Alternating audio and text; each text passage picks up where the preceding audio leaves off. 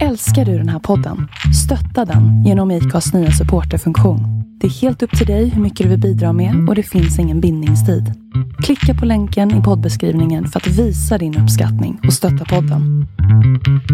Alltså Jakob, vem fan kommer tacka mig för att jag var så världskänd när jag är död?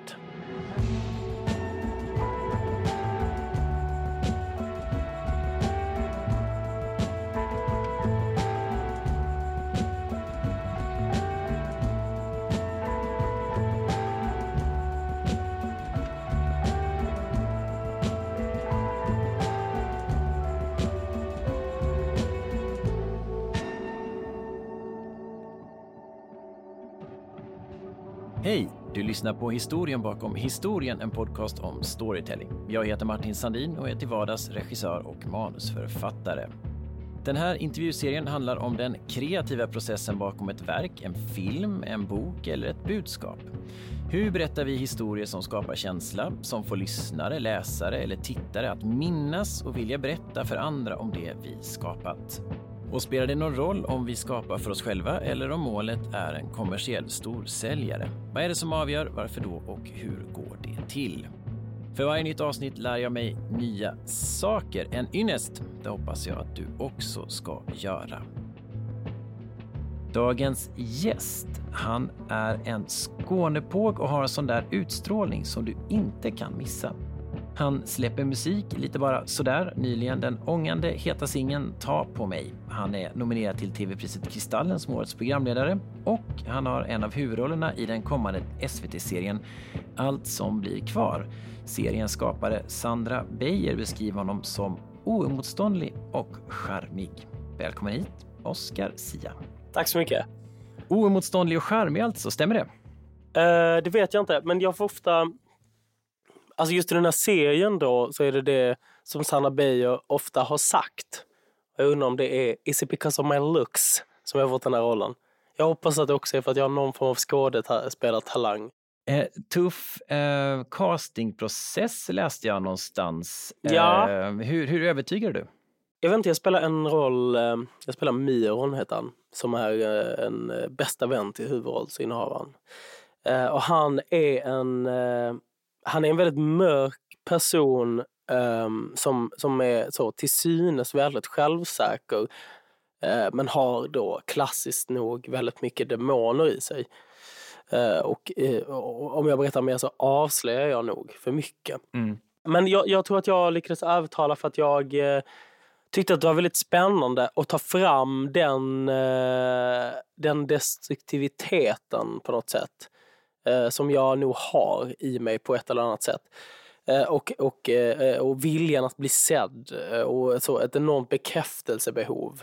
Eh, det var väldigt så, det är väldigt kul att få överdriva det och liksom eh, äntligen få typ utlopp för det betalt han är bitvis väldigt nära mig själv och det är lite läskigt så. Eh, och det är jättesvårt, det har jag märkt som skådespelare, att det är väldigt svårt att liksom inte, inte bottna i sig själv eh, utifrån rollen. Och det kan bli lite läskigt, men det blir också så lite självterapeutiskt klyschigt nog. Han är så en... Eh, han finns överallt, eh, tror jag. Och han är en... Han är lite en fiktiv figur av väldigt många olika personligheter liksom, som finns i allas närhet. Uh, han är lite av allt uh, och han är den som man, man väldigt gärna vill ha i sitt liv eh, men helst eh, inte ska. Mm.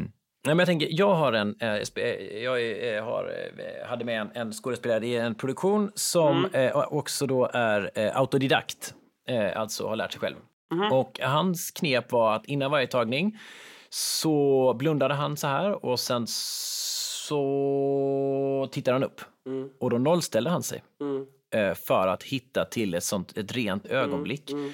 Hur, hur har du tagit in i, i liksom skådespelaryrket? Vad, vad, vad bottnar du i för att hitta in i en roll? För du är ju också artist. Jag tror att jag får jättemycket, jag får väldigt mycket utlopp eh, när jag skriver musik eh, av liksom tankar och känslor och så. Men det är väldigt lite, i skådespelaryrket så får jag väldigt mycket så utlopp för det fysiskt tycker jag. Eh, och jag får testa vara någon annan rent så kroppsligt.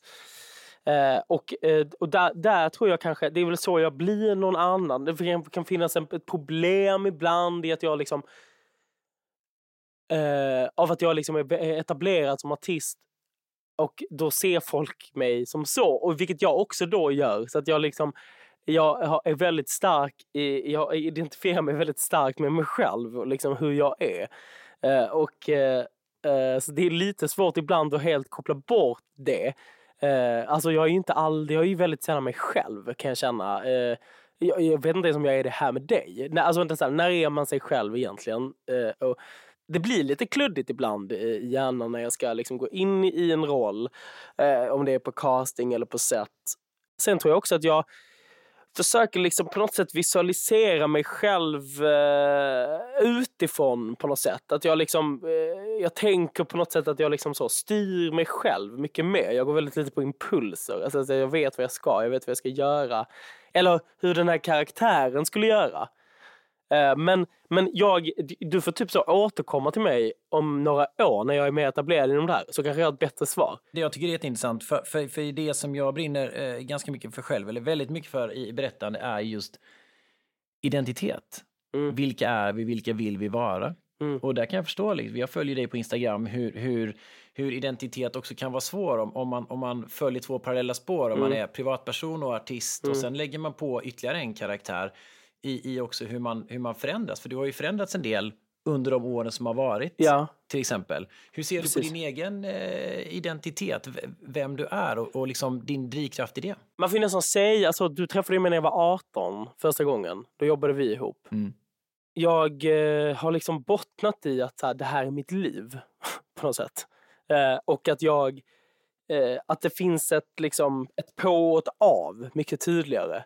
Eh, nu jobbar jag, nu, nu är jag här och nu gör jag detta och nu ska jag skriva, nu ska jag få utlöst för min, eh, för min ilska eller sorg eller glädje. Nu ska jag stå på scen, nu ska jag skådespela, nu ska jag programleda. Jag har blivit väldigt mycket bättre och i behov av att eh, typ ha tyst. Mm.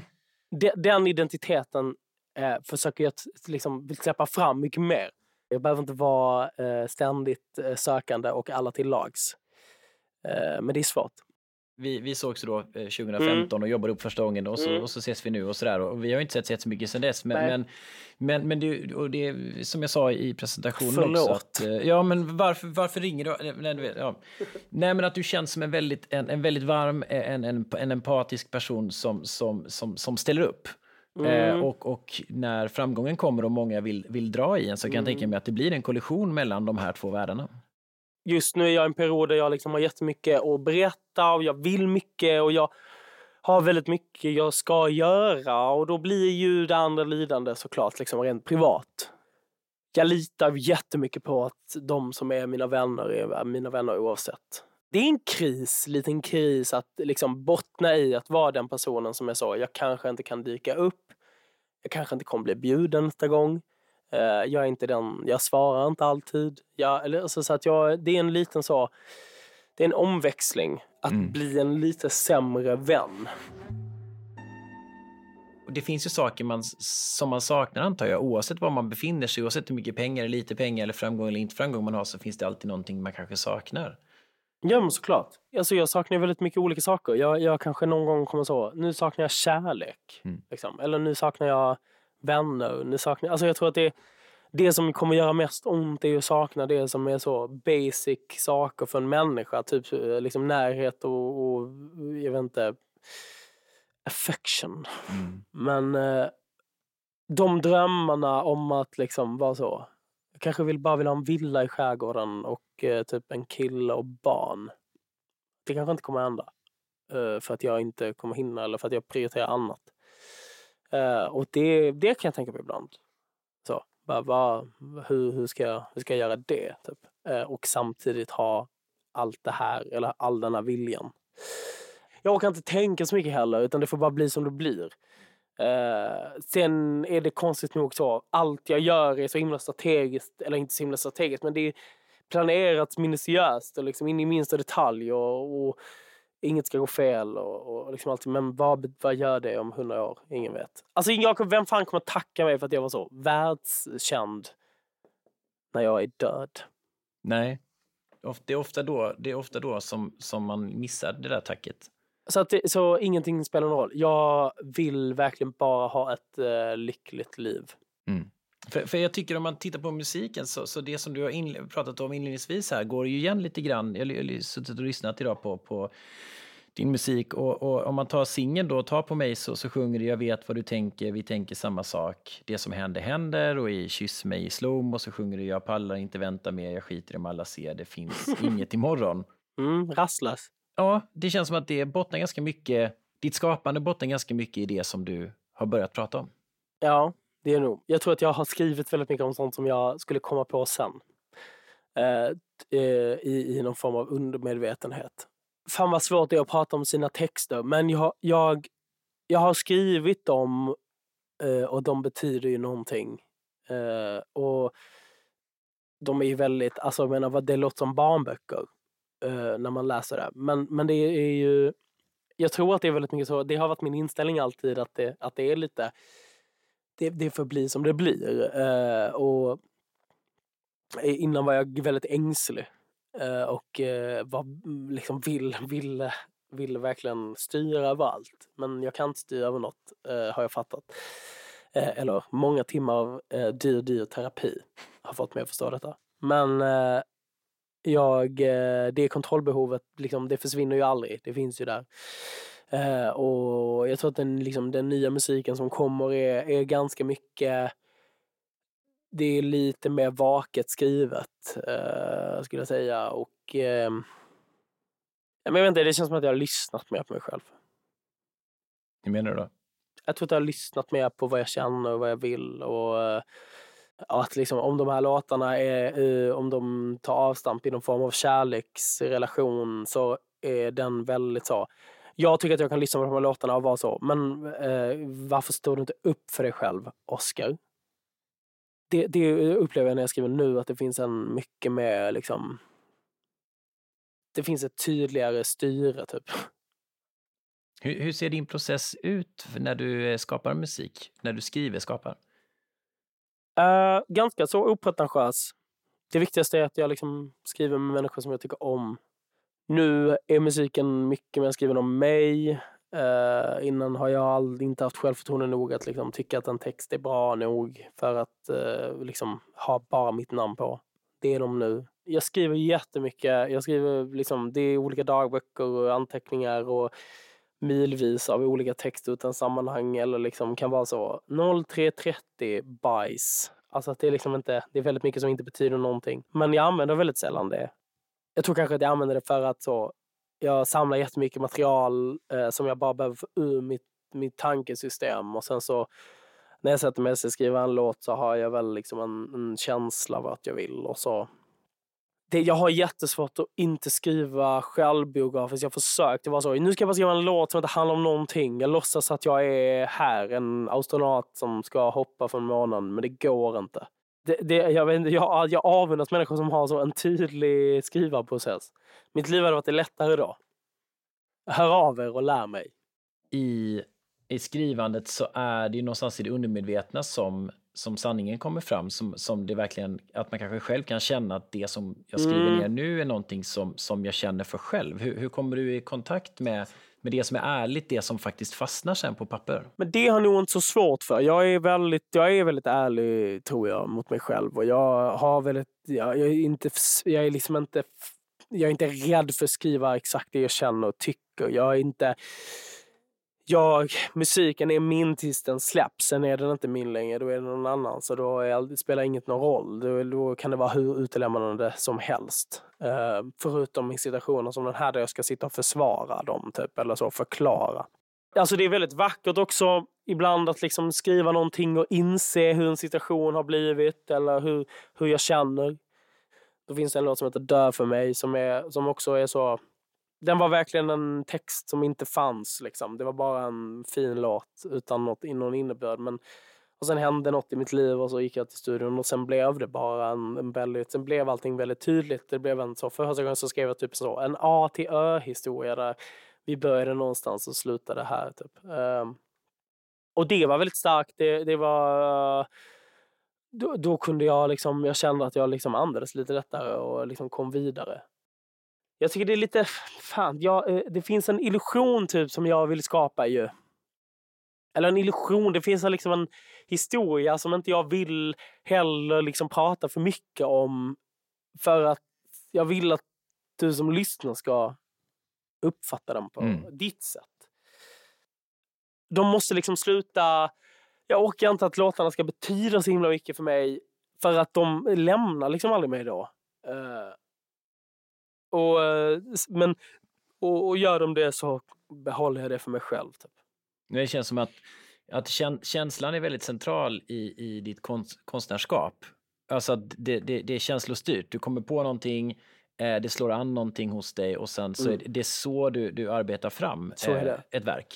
Absolut. Eh, verkligen. Jag, jag kan nog inget annat sätt.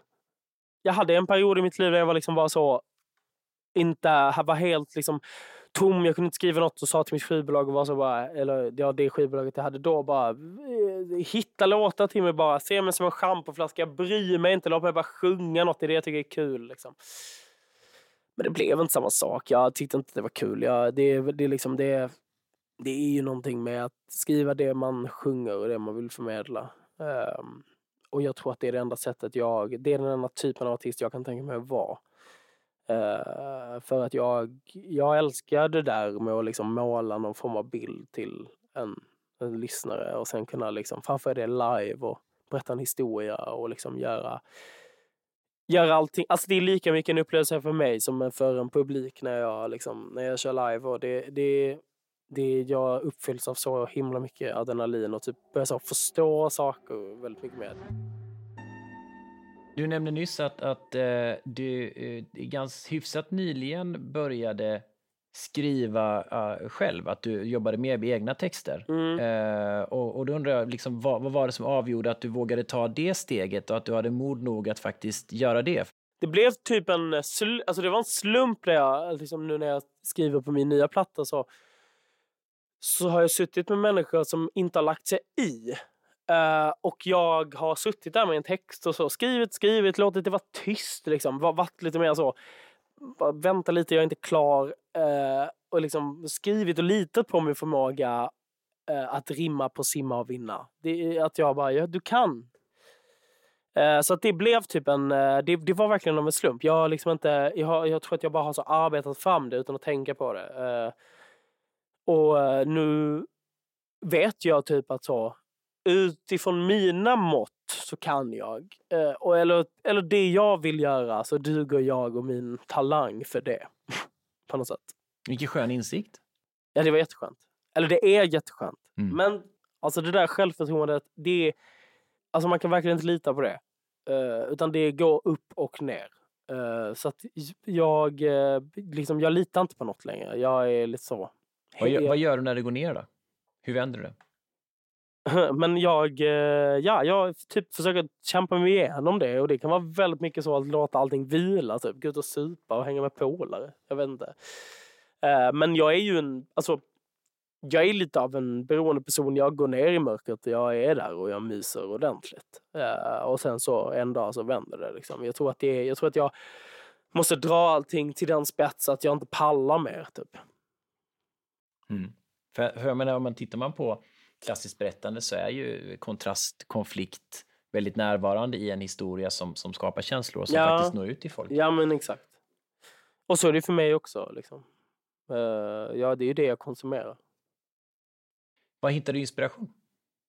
Jag är avundas människor som är så. Jag åkte ut och tittade på träd i skogen och där såg jag en fågel och då började jag tänka på hur lätt den flög och då skrev jag en låt om att hjärtat inte väger mer än tre gram. Jag eh, hittar inspiration i liksom när det gör jävligt ont. Eh, eller när det skaver.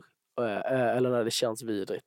Eller liksom men, men, och ibland hittar jag inspiration i så. En, ett kvarglömd skjorta. Liksom, från ett gammalt ligg. Eller en sönder flaska. Alltså det, det finns väl såklart också inspiration i de sakerna.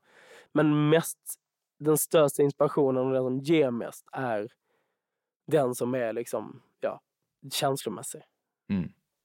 Nej, men det kan jag verkligen förstå för att det, det är också det är the oldest trick in the book. Men just att någonstans, ja men att se vart man själv står och, Mm. och relatera till vad man själv är och, och, och få en, en känsla i magen där man tror på sig själv och tror på det man vill skapa. Ja, Men det är också en oerhört svår plats att vara på för då måste du vara ärlig och du måste verkligen tro på det du gör. Och om det någon annan säger något annat så måste du ändå våga stå på dig. Kan du känna igen det eller? Är det någon... du menar om, man liksom, om folk säger att de inte tycker om det, typ, eller? Ja, att du, du skriver någonting som, eh, som du känner för eller du vill skapa någonting som, som du inte vet vart det ska ta vägen. För jag tänker i ett konstnärskap vet man ju kanske i början sällan vart något tar Mm, vägen. mm.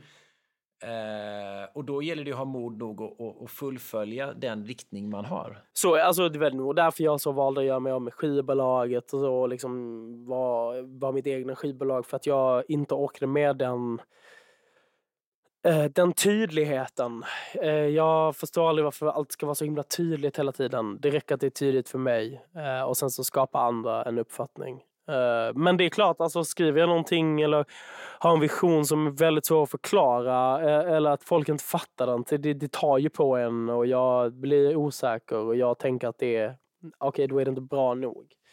Eh, och jag har slängt en massa material och, och liksom åt, åt skogen. Men det viktigaste för mig är väl alltså de stunderna då jag, liksom, jag tar upp materialet igen och lyssnar på det. Så här, "Nej, men fan, det, var, det är bra. Det här liksom slår an någonting hos mig. Jag blir liksom ledsen igen eller glad. Eller liksom, jag får en känsla och då vet jag nog någonstans att så här, men det är någonting jag ska behålla. Så perspektiv är en del av processen då? Ja, precis. Men, och det där är för att jag, jag, har ju, jag är väldigt försiktig med att dela med mig. Eh, eller har blivit. För att jag, har varit, jag är rädd för perspektiven. Jag, är, jag tycker oftast att andra är dumma i huvudet. Liksom. Eh, och för att, för att en, bekräftelsebehovet och perspektiven går inte riktigt ihop. Eh, eller feedbacken. Eh, jag vill att någon ska lyssna för att den ska bekräfta att jag tycker att det är bra och mig och liksom mitt skapande. Men minsta lilla flackande med blicken då hos den personen eller det gänget eller mötet eller Stires bokningsbolag eller vad fan det är, hans muster så är ju allt kört. Eh, för då, då, då liksom då jävlar måste jag stålsätta mig ordentligt för att känna att jag har balls liksom, till att fortsätta. Vem är din första lyssnare? Min första lyssnare är nog min agent. De lyssnar. Ehm, och sen tror jag att jag är nog så... Alltså sen brukar jag inte skicka vidare. För att med, min mamma tycker alltid att hon inte hör vad som Hon börjar prata om så. Det är en låg volym på rösten. Och man är så, det är inte mixat. Håll käften. Alltså, typ. Eh, och- och mina vänner tror jag alltid bara säger att det är bra. Och ibland så tror jag liksom det finns en så jag kan ibland liksom vara lite kritisk och, och inte riktigt litar på folks åsikter för att jag tänker att de är partiska åt ett eller annat håll eller att de har en dålig dag den dagen eller tycker inte om mig den dagen eller eh, är avundsjuka den dagen eller så är jag avundsjuk på dem. Alltså så att jag, eh, jag, jag försöker verkligen hålla det till mig själv. Uh, ibland så brukar jag spela för människor som jag inte alls känner. Jag, det är ju dumt. Liksom. Men uh, men det är också kul. Det är roligt att se vad, vad liksom människor... Fast det, och det kanske jag också gör för att jag vet att de måste säga att det är bra. Så att jag egentligen så är jag nog väldigt... Jag, måste, jag är väldigt försiktig med det där. Eh, för att jag... Alltså min agent kan ju verkligen också tycka att saker är dåligt och då är jag så... Pff, vad vet du? Jag sitter och skriver manus till, till kort och långfilmer och då är det ju samma sak i, i, i, i, i den processen också. Att jag, alltså feedbacken, jag har några som, som läser som jag vet skulle säga, eh, som kan ge eh, eh, konkret feedback. Men Mm. vi, eh, det man vill ha, kan jag, som jag kan känna mig i, i det du säger, är just att man vill veta vad funkar, vad kan jag ta med mig vidare? Mm. Eller hur? Du vill ju inte att någon ska Och säga... det tror jag liksom inte... Det har jag lärt mig under skådespeleriet. Att det, är så, det, är någon, det, det, det är ett yrke som inte jag har en naturlig bekräftelse från. För att det, jag har inte gjort det så mycket. Och det finns inte bekräftelse där har jag märkt på, på liksom sätt. Det är ingen som säger så, du är skitbra. Utan det är väldigt, det är högt tempo, det är tack, nästa scen. Eh, och där har jag fått lära mig att så, ja men är de nöjda, regissören nöjd, då är jag också nöjd för då har jag gjort ett bra jobb. Mm. Det kan bara utgå från mig själv och det är, jag försöker nu liksom lägga över det också i musiken. Att så här, har jag gjort någonting som jag står för då kommer också publiken förstå det. Uh, och då kan det inte liksom, då slår det inte fel. Uh, men jag, jag, jag vill verkligen inte förstöra saker innan det är ute. Ramen är väl en, en sån sak som är extremt svårt om man är, eh, om man är kreatör, om man jobbar själv. Jag menar när du gör eh, Melodifestival, eh, programledarjobb mm. eller är skådis, då finns det ju en ram för det. Det finns ju en bedömningsplattform som är mycket tydligare. Den, ja. den som står och tittar på det som är producent kan, kan säga att ändra det eller gör det och så ja, blir det tydligare kanske än när man sitter hemma och skriver. Då finns det kanske svårare att hitta en riktning. Så är det ju. Uh, så är det ju. Och ramen för musik, precis det är som du säger, det, det, det är liksom väldigt luddigt. Så därför tror jag att det är, mitt enda sätt är att liksom ha självförtroende nog att det är bra. Det är som att så, lämna in en uppsats på gymnasiet. Du liksom, det var väldigt, man fick ju inte så många chanser på att läsa igenom det eller gå igenom feedbackrundor. Utan man skrev klart tills man var nöjd eller pallade inte mer och, och sen så lämnade man in det så fick man ett betyg. Liksom. Nu får du musik är lite samma. Jag måste bara lita på att de här eh, 40 000 tecknen är bra och det är enligt vad jag eh, ville förmedla och jag har gjort bra nog. Och sen så kommer ett betyg och ja, ibland mm. är det dåligt och ibland är det bra. Vad har du för drivkraft i ditt skapande? Pengar nästan. eh, eller så, ja, också tröttsam folk som inte är så. Det är väl klart att det, det är en drivkraft att så make a living out of it. Det, alltså att jag lever på det här. Det är en drivkraft att jag ska ha tak över huvudet eh, och att jag kan ha det genom att göra det jag älskar. Det är en drivkraft att få chans att eh, förmedla någonting men sen är ju, alltså rent, rent praktiskt är liven min största drivkraft. Det är där jag får min största utbetalning, det är där jag älskar att stå, det är det jag vill göra mest. För, alltså jag brinner för underhållning, jag brinner för att se folk le, jag brinner för att de sjunger med i låtarna, jag brinner för att de tycker att det är kul att vara där jag är och att jag kan göra någon glad eller ledsen ibland. Eller, liksom, eller att vi på något sätt i samma rum får lov att känna lite känslor. Och det, det, det är min drivkraft. Nyligen gjorde du ditt första eh, liveframträdande på, på väldigt länge på grund mm. av covid. Hur mm. var det? Det var helt otroligt. Det var jävligt fint. Jag, jag trodde inte att jag saknade så mycket. Jag gick in, under covid så var jag så, ja ja, ja.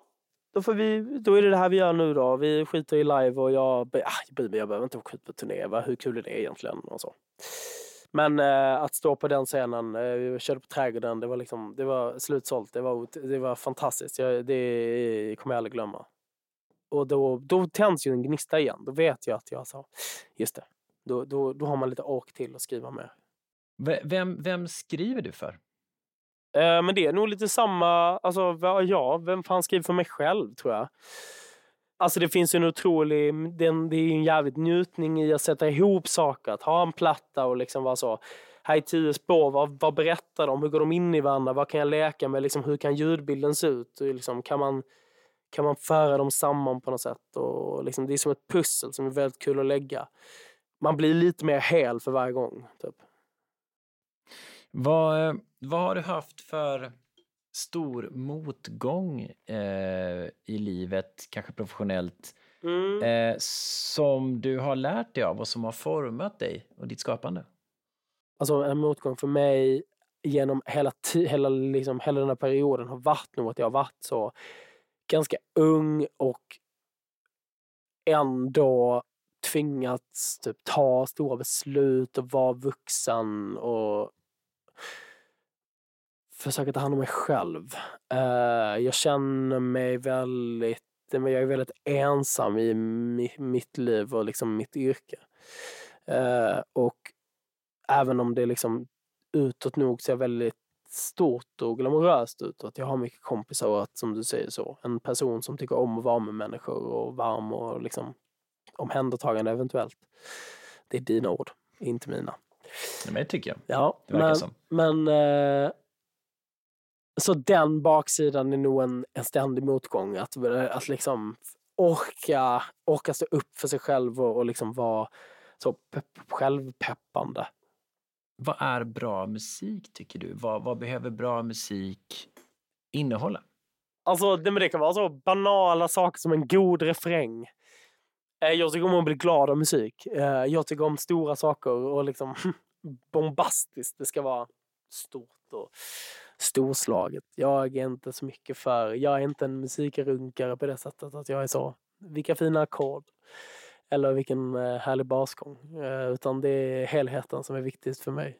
Eh, och alltså det hela, alltså vad, vad jag känner för det. Liksom. Jag är inte så musiknördig. Och har aldrig varit. Liksom. Det finns inget, jag har, kan knappt något instrument. Liksom, och jag kan inte läsa noter och, och sånt. Och kommer inte från någon så musikalisk bakgrund på det sättet. Eh, men nu kommer en väldigt stor fråga, eh, väldigt svår fråga. Okej. Eh, tre låtar som du har hört som har förändrat ditt liv.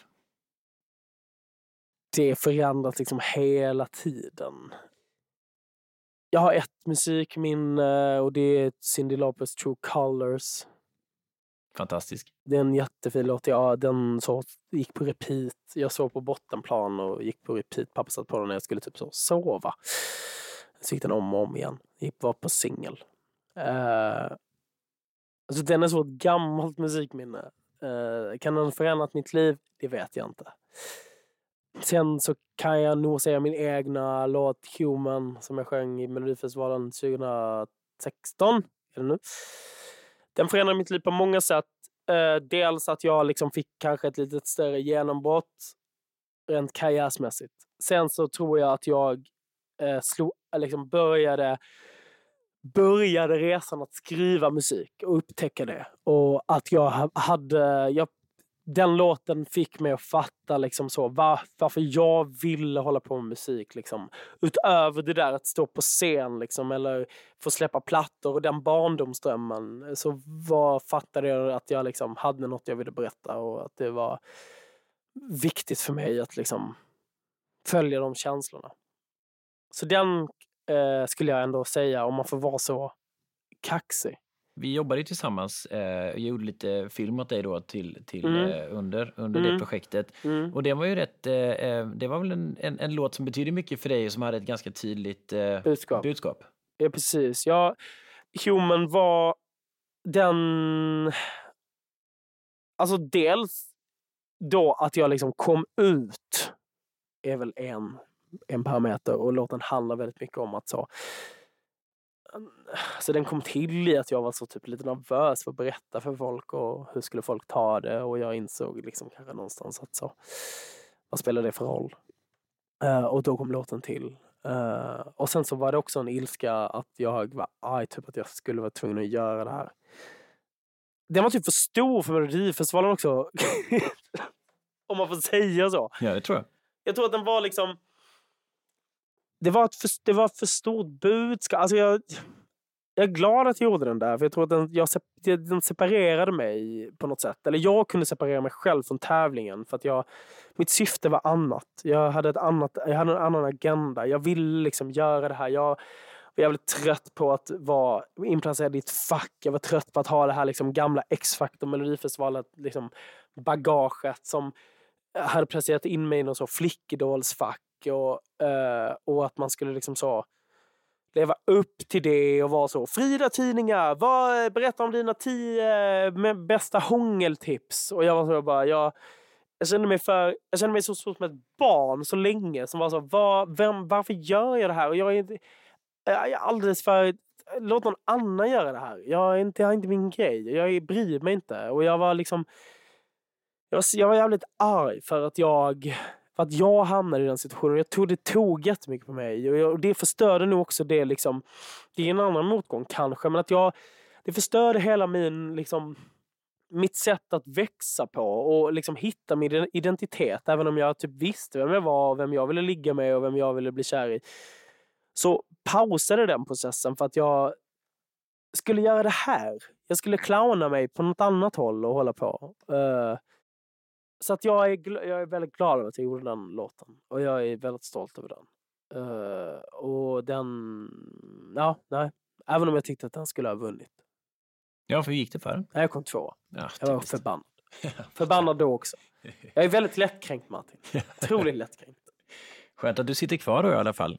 Ja, nej, men du har inte kränkt mig. Nej, men det är bra ju. Mm. Jag försöker gå lite... Så snäll. Just det, Ja. snart kommer det. Nej, Har jag sagt två låtar? det har du gjort. Och du höll på att glömma den här frågan. Var glad. Varför påminde jag dig?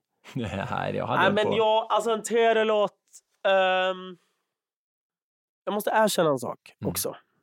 Det är att jag lyssnar inte jättemycket på musik. Nej. Jag eh, är väldigt fokuserad på vad jag vill göra. Liksom. Och jag, jag blir så förvirrad av när jag lyssnar på musik. Jag, det här med inspiration från andra är väldigt svårt för mig. Jag, eh, jag, jag blir förvirrad då. Jag vet, inte, jag, jag vet inte vad jag vill göra då längre. Det, eh, jag kan inte säga en egen låt till. du får säga en Nej, egen låt till. inte. Det går inte. Det, går. det blir för jobbigt. Jag, jag kan säga så här. Ja, det finns en annan låt som jag lyssnade på väldigt mycket när jag var liten. Och den heter eh, Per me per sempre. En italiensk låt med Tiziano Ferro. Nej, Eros Ramazzotti är det. Oh, Eros. Den gamla goda Eros. Ja. Det är en väldigt fin låt som handlar om att han är jättekär i en person. Bara.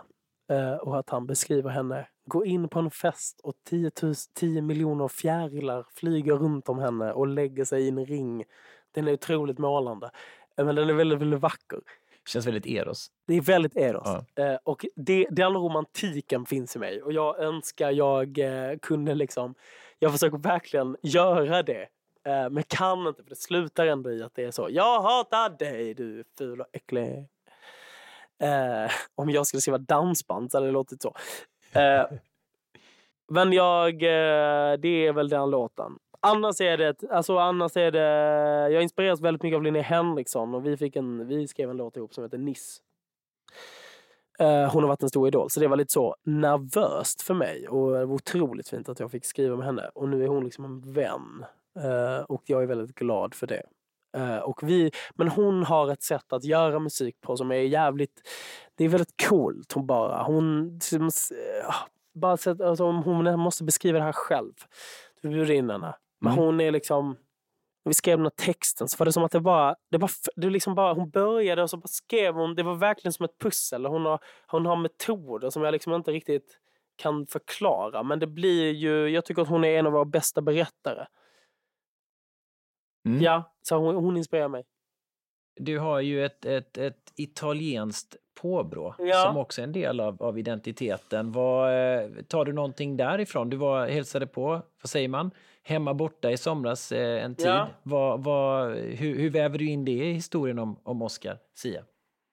Jag tror att det alltid finns med mig. Jag, jag eh, har en... Jag trivs väldigt bra där och jag trivs bäst i Italien tror jag. Egentligen. Jag, eh, det är, klyschigt nog är folk som jag. Det är liksom en, en värme och en öppenhet. Eh, det tar jag med mig det. Jag vet inte. Jag är väldigt peppad på att liksom vara, göra det mer. Och min, jag tror att jag har en sån romantisk sida som är väldigt, väldigt så starkt italienskt kopplat. I, rent i, i konstnärskapet känns det som en ganska stark clash mellan, mellan svartklubb och romantik. Ja. Lite Fontana di Trevi möter liksom Berghain någonstans. Lite så är det ja. Jag är ju en, liksom en gråtare. Alltså jag är lite så... Super till tidigt på morgonen tills någon gör mig ledsen och sen går jag hem typ. Och sen präglar det mitt liv länge och sen gör jag om allt igen. Jag är så det, eller det är mer mitt gamla liv. Men jag, jag, eh, jag är, ja precis. Det är, jäv, det är, för, det är väldigt... Eh, det finns en destruktivitet där tror jag som håller mig levande. Som jag försöker liksom göra om. Inte nödvändigtvis ta bort. Utan göra om den till något liksom positivt. Ibland är jag väldigt eh, mån om att folk ska veta saker eller att jag vill vara öppen med saker och sen så blir jag väldigt ängslig och nervös och liksom vill inte alls lägga ut något och vara för mig själv. Och jag vill hålla saker, alltså jag, jag, eh, jag, jag tycker om att hålla saker. Jag vill vara eller jag vill vara en person som håller saker för mig själv och liksom kunna liksom ha ett liv som inte bara är där. Liksom. Och samtidigt är det svårt för att idag så är det ju, liksom, det är ju där du berättar. Uh, och jag vill berätta också. Jag tycker att det är kul och jag har mycket att säga. Liksom. Eller, alltså jag har inte så mycket att säga som är så jävla viktigt. Jag har bara typ ett behov av att ha utlopp för någon form av kommunikation. Uh, och huruvida det är liksom en och en halv timmes sändning i Melodifestivalen där jag är glad och god uh, och presenterar olika låtar eller om det är i en platta som bara handlar om hjärtkross så, så spelar inte det mig så stor roll. Men just Melodifestivalen nu, att, att, Mm. alltså för, dig som har stått på scen kontra att vara istället programledare och, eh, Ja. inför den typen av publik. Det är också, alltså där, men, men, men det är något annat. Jag tycker att det bara är, det är glädje, det är lust, det, jag, jag får leka, jag får göra, det är en lyx liksom. Bara en ren lyx. Men, eh, men eh, ja, vet, jag, är liksom, jag är väldigt stolt över att jag nu har tagit beslutet om att jag eh, är bra på alla de här sakerna och då kommer jag göra dem. Tidigare i, i, i år eh, kom ju också eh, serien Skitsamma ut. Mhm. Var det din skådespelardebut? Ja. Ja. Och eh, den regisserades av eh, Nour eh, El Re- Refai. Mm. Vad- hur, hur var det att, att kliva ut på den Dudumtsch-scenen för första gången? Väldigt konstigt, väldigt nervöst. Det, det här, skitsamma, en humorserie eh, som handlar om fem ungdomar som bor i ett kollektiv. Eh, det är inte bara humor, det liksom finns en, det är väldigt mycket konflikt och intriger i det. Men, men det, det, grunden är humor, det var väldigt roligt. Jag, Nord trodde på mig jättemycket och hon plockade in mig i den här processen. Jag gick på castings igen, vill jag poängtera. Det är en skittuff, alltså det här är en pisstuff värld, skådespelarbranschen. Eh, så jag är glad att jag liksom har fått in en, en, en, en tå. Eh, men eh, hon såg något i mig och ville verkligen att jag skulle liksom fortsätta komma på de castingsen. Och till slut så fick jag rollen. Det var jättekul. Noah är en jättebra regissör. Vi hade väldigt roligt. Uh, men igen, det är skitsvårt. Alltså det är bekräftelsen där som man inte... Om du inte får en klapp på axeln när någon säger att du är bra så är det jättesvårt att veta och då går man in i de tankarna, eller jag går in i de tankarna och det är mörkret och så till slut så, så tror jag själv att jag inte är bra. Och det är liksom det är, där igen så måste det här självkänslan och självförtroendet växa för att jag ska kunna göra något överhuvudtaget. Liksom, med självförtroende. Men det känns som att du har tänkt väldigt mycket på de här, den här typen av frågor och du säger Mm. själv att du har gått i terapi kring det. Kring det här med, med att känna att man inte duger eller att, att liksom, när man är kreativ eller ger av sig själv att man inte att man inte är tillräckligt bra. Vad, Mm. vad har du för liksom, eh, motmedel mot det? Vad har du arbetat fram för, för sätt att, att motverka det? För du, du är ju Att lura, lura bra, mig liksom. själv. Ja. Alltså helt. Totalt ljuga för mig själv. Eh, det är som en snäll och det är som så, två, en ängel och en djävul. Ta bort den här jävla djävulen och liksom bara låtsas liksom att regna tills jag tror på mig själv och liksom eh, låtsas att jag är bra nog. Och för att då tror jag att det är nog det enda sättet att kunna överleva. Och eh, till slut så kommer jag så göra det automatiskt.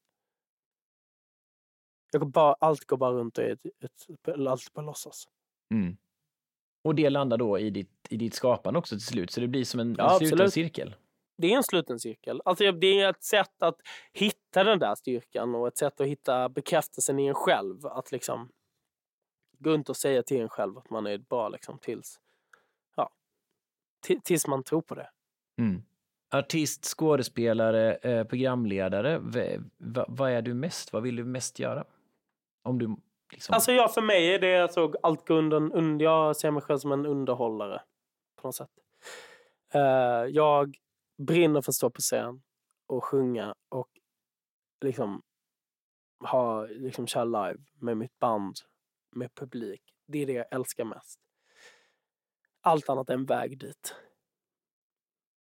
Spännande. Ja, det, här, det, här kanske, det här är kanske konstig jämförelse, men, men när vi träffades första gången så fick jag någon sån här feeling eh, av, som du säger själv, du är underhållare, entertainer. Och sen med, med det italienska påbrott så tänkte jag, eh, tänkte jag Sinatra. Okej, Frank Sinatra. Ja, men Sinatra Alltså liksom. get, en, en legend ju. Så att eh, det är inte mig emot. Inte mig emot.